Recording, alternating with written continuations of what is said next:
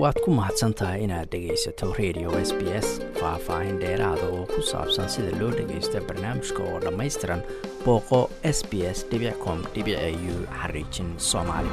Soomaaliya abaaro daadad dagaalo iyo siyaasado laysku khilaafsan yahay ayaa dhowaanahan hareeyey. Arrimahaas ayaanu ka wareysanay xildhibaan hore profesor maxamed cumar dalxa oo aan marka hore weydiiyey sida guud ahaan uu u arko bal xaaladda dalka soomaaliya waxaana uu yiri xaaladda soomaaliya markaan u sii kala qaadqaadno xaalad siyaasadeed mid amniyeed mid bulshadeed mid dhaqan dhaqaale iyo wixii la mid ah. Mid weliba waxay leedahay wejigeeda gaalka ah siyaasaddu haddaan ka bilaabo waxaa hadda beryahan socda dowladda qorshe iyada iyo golaha wadatashiga oo maamul goboleedyada marka laga reebo puntland ay wada gaareen. Oo hadda isagoo hintiso sharciyeed ah mooshinna ah baarlamaanka hor yaallo kaasoo ah in nidaamkii dhowr iyo maaragtay ku dhowaad lixdanka sano ee lagu soo dhaqmayey ee parliamentarianka ahaa in laga guuro loona guuro presidential oo laba xisbi madaxweyne iyo madaxweyne ku-xigeen ah. Kaasi ayaa beryahan gudaha siyaasadda. Soomaaliya markaad fiirisid ugu xoog badan oo mucaarad iyo maxaafid uu leeyahay. Xaaladda amniga marka muqdisho aad eegtid way ka sii roon tahay ama way ka sii reynaysaa berihii hore iyo maanta ee muqdisho sida xaaladda amni marka la fiiriyo waxaa laysla waafaqsan yahay in sidii beryihii hore nimankii inkaasnaa qaraxyadii faraha badnaa aanan jirin inkastoo ay iska jiraan duruufo kale balse xaggaasi iyo nabadgelyada iyo guud ahaan hadda marka aan idhaahdaba dagaaladii iyagana ay ka socdeen dhuusamareed iyo iiraan iyo madaxweynuhu laftirkiisa ee fronta uu joogay dhowr bilood ama saddex bilood aan idhaahdo inuu ka soo laabtay oo hadda uu sugan yahay xamar safaro uu galay ka soo laabtay. Balse marka aad nabadgelyada ka sii gudubtid waddanka xagga dhinaca dhaqaalaha soomaaliya waxay ku tiirsan tahay soo saarka oo lafdhabarka u ah xoolaha beeraha kalluumaysida aada la socotaan waxaa jirta xaalad murugale oo rabbaani oo ilaahay xaggiisa ah daadad iyo roob oo aada runtii dad badan oo dhibaateeyey oo soomaaliyeed oo xoolahoodii iyo beerahoodii iyo wixii iyaga ay nolol ahaan ku tiirsanayeen iyo in badan oo ayagana saameyn ku yeelatay dhaqdhaqaaqii gaadiid iyo isugudubkii goboladii iyo dhammaan marka loo fiiriyo dhaqaale ahaan iyo bulsho ahaan ayadana xaalad aada runtii ay u taabatay nolosha dadka soomaaliyeed dhaqaale ahaan iyo bulsho ahaanba iyadana ay taagan tahay. Waad kolleybo idinkana aadan moogeyn haba u sii kala bataan ama u kala darnaadaan gobollada halkii markii hore kuwa webiyada iyo aadka loo hadalhayn jiray maanta waxay noqotay mid siman ah. Meela aanan webiyadii iyo aanan shaqo ku lahayn ayay daadadku ay maanta ay dadkii iyo xoolihii ay ku habteen. Marka ilaahayna asigaa xaggiisa ay ka ahaatay qadarkiisa duca mooyaane iyadana wax ka qabadkeeda. Waa wax rabi rabbi loo baahan yahay in laga sii mustaqbaliyan iyo haddana wixii gacan iyo gargaar ummadaasi la gaarsiin karo in loo gurmado waa garta xildhibaan waa mahadsan tahay marka haddaan kala qaadno bal arrinta siyaasadda ee dowladdu hadda ay rabto inay wax ka bedesho nidaamkii soomaaliya sanado badan ay isku soo xukumaysay sidaas sheegtay adigu sidee u aragtaa arrintaas taageero ballaaranse ma ku leedahay xildhibaanada marka la fiiriyo ama shacab weynaha guud arrintaasi mise waa mid laga soo horjeeda isleeda xasan dadka soomaaliyeed iyo baarlaman dad aragtidooda la qiyaasi karo oo la oran karo sidaasay qabaan ama fikir ahaan oo aan hadda xaqiiqatan aan ku sheegi karo. Sida lagu bartay dadka soomaaliyeed in waa iska dad catifad mar allaala markii ayaga ama wax taageerayaan ama ay wax diidayaan boqolkiiba siddeetan haddaan idhaahdo. Waxaan dhaafisanayn waxa iyaga ay taageerayaan iyo waxa ay diidayaanba aragtidooda ay ku salaysan tahay caatifad ayay dadku sida ay u badan yihiin ayaad qiyaastooda aad qaadan kartaa. Baarlamanna hadda isaga ku diisane haddee isagana kama agdheera had iyo jeer qaarne waxa ay doonayso xukuumadda ama ee ay madaxtooyadu iyadu ay wato iyo intaas oo maamul goboleedyana marka iyagana ee laysdaba dhigo kuwa markaa aan kale iyo aragti fog iyo waxa iyagana laftirkooda itaalka iyo markaad fiirisid waxa iyaga marka ay gaarayaan go'aan aan ku salaysnayn rabitaan oo ka turjumaya shacab iyo dal iyo dad iyo diin badi iyagana sida aan ku soo arki jirnay. Kuwa u dooda oo wax cad markaasi la yimaada oo waxay diidayaan garanaya waxay doonayaanna garanaya iyo kuwo maaragtay intaad u socotiin anna a idin raaci oo halaanbay iska ahna way jiraan. Marka xaqiiqatan marka ma la dhihi karo baarlamaanadu hadde marka ayaga ay ku yimaadaan mabda' siyaasadeed oo ay kala wataan axsaab siyaasadeed iyo arrimo oo markaasi responsibilityga ama ay tahay dad dareensan. Waxa laga hadlayo mas'uuliyad wadareed inay tahay. Markuu bisaylkaasi xataa xildhibaanka imaanaya ee golaha jooga ayaa waxay keeni kartaa in la yidhaahdo wallahi baarlamanka majority waxay qabaan aragtidaas laakiin inta aan arkayay ama haddee ragbo ragga adiga ee baarlamanka hadde badi aad hadda oga waramayay baryahan markaan tusaale u soo qaato ambasador cali saciid ayaa habeen hore hadlayay oo hadda badi inay garanayso laga marna speaker hadda ka noqday koonfur galbeed horeyna uu ahaa safiirkii noo fadhiyey belgium oo nin diblomaasina ahna ah oo kii aqoonyahan ilaa heer jaamacadda wax ka soo dhigay. Wuxuu yidhi baarlamanku maba la yimaado forumkii boqol soddon iyo sagaalka ayaa sida lagu helo ay adag tahay marka baarlaman oo hadda golahii shacabka keliya laba boqol iyo toban shan ka haddaanba soo xaadiraynin ee ayaga sida qaarkooda loo dhaariyey oo iskaga tageen oo ay maqan yihiin waxa waddanka ka socday wax kale ee hadda aan war iyo wacaalba u haddii amar ku soo galo la yidhaahdo oo iska yimaadaan oo maalintaa kaalay codeeya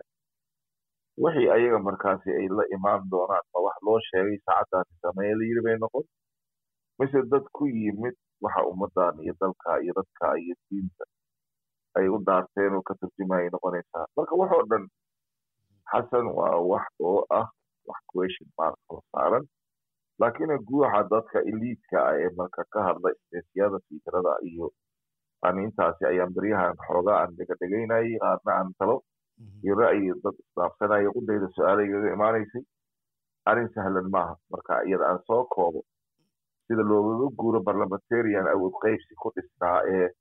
looga soo gudbay wixii dhibaato iyo duruufo iyo shirarkii iyo dejisiinadii waxaasoo dhan ee lagu dejinayay oo xataa in la yiraahdo xal ayaa laga rabaa ee meesha xaq ma yaallo. Si un loogaga tallaabo wax dhibaato markaasi loo arkayay hadda wixii laysku yabyabay ee derigiyo maqaarka isku soo falfalay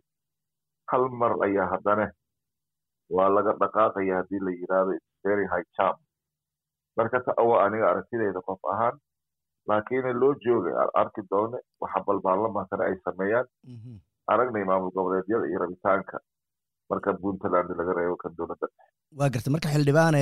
dabcan dowladdu arrintan markay soo bandhigtay waxay ku doodeysaa oo leedahay arrintan madaxweynaha iyo ra'iisul wasaaraha waqtiyo badan baa laysku qabsaday waa noo shaqayn weyday waa inaanu ka guurnaa. Dabcan dadka ka soo horjeedo diidanna waxay leeyihiin waa mida madaxweynaha iyo baarlamaanka iyo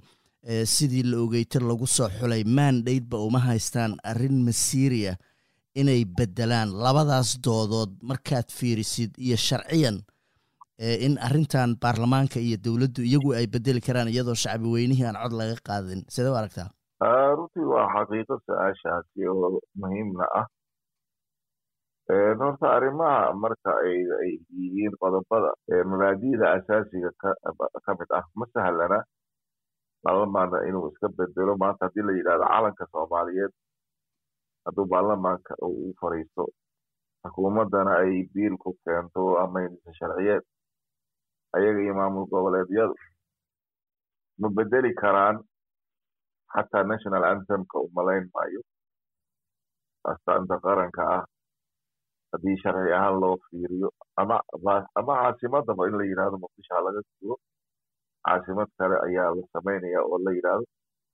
xukuumadda iyo baarlamaanka iyo madaxtooyada iyo maamul goboleedyada umalayn maayo iyadoo aanan afti dadweyne ama referendum aanan la qaadin codkaas oo aan lagu bedelin cod shacbi ah. Codka shacabkana de waxa waaye xataa marka ee la rabo in wax un la soo bandhigo oo almiina xataa hala yidhahdo halaga hadlo. Horta toban kun ayaa maarta ugu yar. Haddana xaalada guud ee wadanka hadda lagu jiro waan garan karnaa inta dowladdu ayada ay ka taliso inta afreej ahaan haddi soomaaliya. Waa imse milyan la yidhaahdo dad baa ku qiyaaso lix iyo toban koo yidhaahdo kuwo shan iyo toban yidhaahdo intay doonaan ha noqdaan.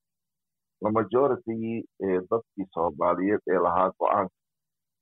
miday xaaladda hadda jirto oo ayaga qaar masilada dinka aad ka midkiin ku nool oo aaday milyan in kale ee meelo aanan dowladdiina ayaga ku nool oo ayagana ee qolo kale ka argisa sidoo kale maamullo oo ayagana hadda banaanka ka taagan oo ayaga markii horeba iska meesha taagnaa banaanka oo somaliland oo ayagana sidaas oo kale hadda puntland oo ayadana aan la dhayrsan karin ee aan waxba ka saxiixin. Arrimahaas oo dhan waa arrimo aanan keliya baarlamaanka inuu iska fariisto oo si fudud gacantaag iyo sanduuq waxay doonaan ha ku codeeyaan.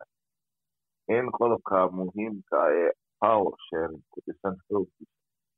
iyo xaaladda waddanka markaa isu fursid iyo guuxa jira saan horeyna kugu sheegay ma sahlana laakiin waa la iska gaari karaa go'aan laakiin aniga aragtidaydaaba mar horena meel aan sidaas oo kale aan ka id maamul goboleedyadan aqaanaa waxay maanta iyaga ay keenaan ahaan maayaan dad ku sii adkaysta oo ku nagaada waayo berito shalay sidii ayaga ay sameeyeen maantana layaab ma laha inay samayn doonaan. Markaan sidaa aan leeyahay waad ogtahay doorasho qof iyo cod bay dowladdii madaxweyne farmaajo xilligiisii ay baarlamaanka u soo gudbiyeen. Markuu baarlamaankii uu ku raacay madaxweynihiina uu dikareetadii loogaga baahnaa uu asagan qalinka uu ku duubay haddana iyagiiba intay dhuusamareed iskugu tageen ay haddana ay yidhaahdeen waa ka noqonay xilligani suurtagal ma noqon karto doorasho qof iyo cod waa in doorasho la aadaa dadban hadda isla weygii ayada ay ku timid unbaa baarlamaankana mar kale loo soo maray. Baarlamaankana haddana wuxuu yidhi ayaga iyo madaxweynihiiba waayahay sida ayaga ay qabaan waa inaan arrintii haddana aan u qaadanaa oo weliba lagu eedeeyey baarlamaanka iyo madaxtooyada inay doonayaan muddo kororsiimo ama extension bay rabaan halkaasi ay ka bilaabatay balalaaso oo ilaahay naga badbaadiyey ee sidaasi maartay lagu jooji misena muddadii haddana baarlamaankii waktigii isaga ee iyaga caadi ugu raacay doorashadii dadban haddana in extension dadban oo muddo dheer ee sanad iyo shan bilood isna maamul goboleedyadii iyo xukuumaddii iyaga haddana xaggoodii in electionkii waktigii ee ugu habboonaa ee la rabay in la qabtane inay ka ahaan weyday oo xujooyin fara badan. Puntland iyo jubbaland oo min laba xubin sagaal bilood laga sugayey prime ministerkii cusbaa ee xukuumadda isaga madaxweynaha uu ku wareejiyey iyo doorashada oo dhan oo ayagana isjiijiid fara badan. Siyaabo oo aanan runtii horey looga arag taariikhda ee soomaaliya maaragtay doorashooyinkeeda in la yiraahdo kursiga qof baa loo xiray manxiis samayso cid kugula tartami kartana ma jirto qabiilkaagana uma baahnin aniga ninkii aan wataana ka dhigayaa xildhibaan kii aan rabana waan u diidayaa mana imaan karo xataa meesha ee ay ka dhacayso doorashada qof aan aniga aan ogolayn waxaasoo dhan waa wixii la rabay in laga hadlo oo doorashada soo socoto waxaas oo kale hadday la yimaadaan maamul goboleedyadu ilan sida hadda baarlamaankani soo xolay waa la ogyahay ama golo shacbi ha noqdo ama aqal sare martii kale sideebaa looga gudbi karaa si haddii layska yidhaahdo wixii laga tago shalay ahayd taasi uma baanin haddana maxay beri la imaan karaan waxaasoo dhan ayadoo aanan hadda diraasad lagu samaynin hadda weji cusub iyo doorasho oo aan sahlanayn oo kii waddanka u eeday ee lixdan iyo sagaalkii sidafan markii ayaga loogu shubtay xisbiyadii faraha badnaa ee keentay in madaxweynihii jamhuuriyadda soomaaliya allahu naxariiste cabdirashiid cali sharma arke ee lagu dilay laascaano isagoo gudanayo waajibaadkiisii qaran waxaasoo dhan haddaanan gadaal loo eegin taariikhdu waxaa loo qoraa in lagu cibrad qaato oo loo fiiriyo gadaal ee maxaa horay nagaga soo xumaaday wixii loo baahan yahay wixii shalay ee xumaa in maanta sida looga gudbi lahaa soomaalidu waxaad moodaaba yani hor socod keliya mooyaane shalay maxaa jiray oo maxaa keenay iyo dhibkan waddanka iyo siduu u dhacay iyo maxaa sababay? Iyo waxaad moodaa inay madax xisaab ugu jirin marka maalin welibo waa meeshii ayaga la yidhaahdo qaarna salaada meeshaasaan u tukanaynaa qaar yidhaahdo waayahay migdi salaada kuwana yidhaahdo shalay halkaasaan ukanayna maanta dhinacaad noo wadaan. Macquul maahane maxaa keenay qaar maartay ayaga. Marka inta badan saan ku sheegay waa iska ishaafalataysa hadda ku socotaa xaaladda wax la qiyaasi karo la odrasi karana maaha. Laakiin mar weliba waxaan ku soo celinayaa aniga. Aragtidayda ii gaarka ah iyo tan guuxa dadweynaha. Arrintani mid sahlan inaysan ahayn haddii baarlamaanka uu qaata xataa qaraarka fulinta ayaa waxay noqon doonto aanan la saadaalin karin. Maadaama mucaaradaha dadkii shalay ugu xooga badnaa ee ka hor yimid madaxweyne farmaajo isla murashaxiin ayaga sheeganayay ayaa haddana weli bilowgiiba islamarkii ka hor yimid iyo in kaloo haddana ku soo biirtay. Oo ay puntland iyadana hadda weli aanba waxba ka saxiixin oona ay heshiiskii ay wada gaareen oo wada ogol oo iyagoo aanan u wada dhamayn in aanan go'aan qaadan karin maamul goboleedyada haddana taasna ayadana la yidhaha laga socdo. Waxaasoo dhan waa contradiction waxa ka hor imaanaya lafirkooda oo maamul goboleedyada wixii ay shalay lahaayeen oo wada ogol haddana maantana aanan meesha oolin oo majora inta ah ayaa sheekada lagu socodsiinaya haddana inay la yimaadeen. Marka jiha loo raacona ma jirto awalba heshiis siyaasadeed uu iska ahaa. Wixii meesha ee wax lagu waday laakiin sharci ahaan iyo wixii baarlamaan iyo wixii dastuur ahaan bay iska yareed maaragtay sida loogu dhaqmo amaba loogu salaysiyo siyaasada dalka lagu kaasina wuxuu ahaa xildhibaan hore profesor maxamed cumar dalxa oo khadka telefoonka ee magaalada muqdisho igu waramayey waad ku mahadsantahay inaad dhegaysato raadiyaha s b s. Toos u dhegaysa barnaamijka habeenada arbacada iyo jimcada tobanka fiidnimo. Ama kaga soo cesho website-ka iyaga iyo s b s radio app. Booqo s b s com au xariijin soomaali